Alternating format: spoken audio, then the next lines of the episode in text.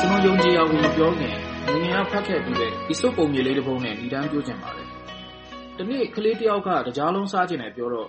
သူ့အမေကပလင်းနဲ့နှိုက်ယူဖို့ပြောတယ်။ဒီတော့ကောင်လေးကသူ့လက်နဲ့များများဆုပ်ယူလက်ကိုပြန်ထုတ်တဲ့အခါလက်ကထုတ်မရဘူး။ဒါနဲ့သူကငိုတော့သူ့အမေကပြောတယ်။သားရဲ့တစ်ချိန်တည်းနဲ့ကိုလိုချင်တလောက်ယူလို့မရတဲ့အခါနည်းနည်းချင်းနဲ့အချိန်ချင်းကိုစားခြင်းတလောက်ယူစားပေါ့တဲ့။ ဒီပုံမြင်က ကျွန်တော်ဘဝရဲ့ အဖြစ်အပျက်တချို့နဲ့ တိုက်ဆိုင်လို့ ကျွန်တော် ပြန်ပြောပြခြင်းဖြစ်ပါတယ်။ကျွန်တော်ဘဝမှာနှစ်နှစ်လောက်ကြာအောင် အင်မတန် ခက်ခဲကြက်တဲတဲ့ အခြေအနေတရက်နဲ့ ကြုံခဲ့ရပူပါတယ်။ဒီလိုခက်ခဲတဲ့ အခြေအနေအောက်မှာ ကျွန်တော် စိတ်သက်ကြသွားရင်တော့မှ လဲပြိုမသွားဖို့ ကိုကိုကိုတတိပေးရင်ဖြစ်ချင်တာကို အာယုံစိုက်ပြီးဒီဇိုင်းမမတ် ကြိုးစားခဲ့ပါတယ်။လေးလာတင်ယူခြင်းကိုလည်း လုံးဝမရက်ခဲ့ပါဘူး။အဲ့ဒါရဲ့ ရလကအခွင့်အရေးကြုံလာတဲ့အခါ ကိုယ့်ဘက်က ပညာဝမ်းစာ ပြေဝနေခြင်းပါပဲ။ ဒီလိုနဲ့ ကျွန်တော်ရလာတဲ့အခွင့်အရေးကို လွယ်လွယ်ကူကူနဲ့ အလင်းအမြန်ပဲ ဖမ်းဆုပ်နိုင်ခဲ့ပါတယ်။အမှန်တော့ ကျွန်တော်တို့ လူဘဝဆိုတာ အမြဲတမ်း တသမတ်ထဲရှိနေတာ မဟုတ်ပါဘူး။လူလောကမှာဘတော်မှ မပြောင်းလဲတဲ့နိယာမတစ်ခုက ပြောင်းလဲခြင်းပါပဲ။အရာရာဟာအစဉ်တစ်ဖြင့် ပြောင်းလဲနေမှာပါ။လူတိုင်းလူတိုင်း ဘဝမှာ အချိန်တိုင်း အခက်အခဲတွေနဲ့ကြီးလုံးပန်းနေရမှာ မဟုတ်တလို့အမြဲတမ်း လွယ်ကူနေမှာကြီးပဲလည်း မဟုတ်ပါဘူး။ ဒီတော့ ခက်ခဲတဲ့ အခြေအနေနဲ့ ကြုံလာပြီဆိုရင် ခုနပြောခဲ့တဲ့ ပုံမြင်ထဲကလိုပဲတထိုင်နဲ့ လက်တဆုပ်စာ ချက်ချင်းမရနိုင်သေးရင်တော့လက်ချောင်းလေး နှစ်ချောင်းနဲ့ ညှက်ယူနိုင်တော့ညှက်ယူနေဖို့ လိုပါတယ် ဒီနေရာမှာ ကျွန်တော် စိတ်ဓာတ်ကျတဲ့အခါ ဘယ်လိုကျော်လွှားခဲ့တယ်ဆိုတာနဲ့ ပတ်သက်တဲ့ ဥပမာလေးတစ်ခု ထပ်ပြောချင်ပါသေးတယ်။တရက် စိတ်ပညာဆိုင်ရာပေါမောက္ခက အတန်းရှိခောက်တုတ်ခောက်ပြန် လမ်းလျှောက်ရင်ခဏနေတော့ လက်ထဲကင်ထားတဲ့ ဖန်ခွက်ကို မြှောက်ပြတယ်။ကျောင်းသားတွေက ထုံးစံအတိုင်း ရေတဝက်ရှိသလားရေတဝက်လျော့နေသလားဆိုတဲ့မေးခွန်းမေးမှပဲလို့ထင်နေတော့ပေါမောက္ခက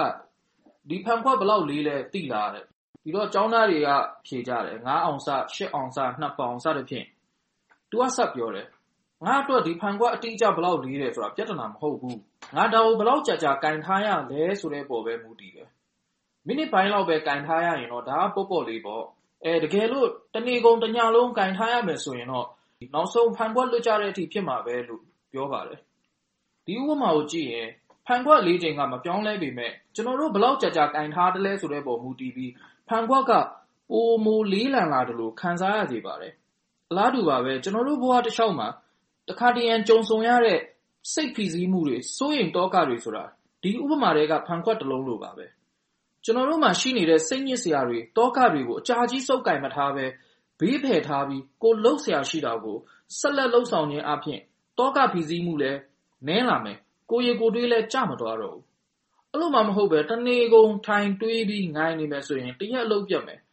တိထပ်ပို့ပြီးအုံနောက်ထဲက အမိုက်တွေကို ဖယ်ထုတ်ပစ်ဖို့ မကြိုးစားဘဲ အချိန်တိုင်း ပြင်းပြင်းထန်ထန် ခံစားနေမယ်ဆိုရင်တော့ အလုပ်အကိုင်ပြတ်ပြီး နဂိုရှိရင်းစွဲ သောကတွေထဲ အလုပ်အကျွေးကထပ်ပေါင်းလို့ ကျန်းမာရေး ပိုပြီးထိခိုက်လာမယ်။တချို့ကြပြန်တော့လည်း ဒီအခက်အခဲသောကတွေကို စောစောစီးစီး လက်မြောက်အရှုံးပေးပြီး ကိုယ့်ဘဝကို အဆုံးသတ်မယ့်လမ်းကို ရွေးချယ်သွားကြတာတွေတောင် ရှိပါတယ်။အမှန်တော့ ဒါအဖြေမဟုတ်ပါဘူး။ဒီတော့ ဒီလိုစိတ်ညစ်စရာသောကတွေ အခက်အခဲ ကြုံလာတဲ့အခါမှာ ကိုယ်တယောက်တည်း ဒီလိုကြုံရတာ မဟုတ်ဘူးဆိုတဲ့ အသိရှိဖို့ လိုပါတယ်။စိတ်ညစ်စရာတွေကို နောက်နေ့မနက်အထိ သယ်မသွားသင့်ပါဘူး။ကိုယ်ဘာမှ မတတ်နိုင်သေးတဲ့ အခြေအနေမျိုးမှာဆိုရင်သောကတွေကို ခဏ လွှတ်ချထားလိုက်ပါ။အခက်အခဲ အကျပ်အတည်းတွေကြားမှာ ကိုယ်ယူနိုင်သလောက် ကဲ့ယူနေဖို့ ကြိုးစားရပါမယ်။ဒါမှသာ မုန်တိုင်းအလွန် ပြန်လည်သာယာလာတဲ့အခါ ကိုယ်ဟာ လန်းလန်းဆန်းဆန်းနဲ့ အားအင်အပြည့်နဲ့ ရှေ့ဆက်လျှောက်ဖို့ အဆင်သင့်ဖြစ်နေမှာဖြစ်ကြောင်းပြောရင်းဂုဏ်ချုပ်ပါတယ်ခင်ဗျာ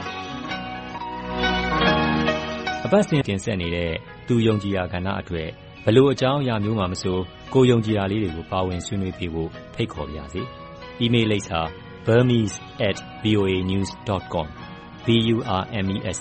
b u r m e s e @ v o a n e w s .com ကိုစာရေးပြီးဆက်သွယ်ရမယ့်တယ်လီဖုန်းနံပါတ်ကိုအကြောင်းကြားလိုက်ပါခင်ဗျာကျွန်တော်ပြန်ဆက်သွယ်ပါမယ်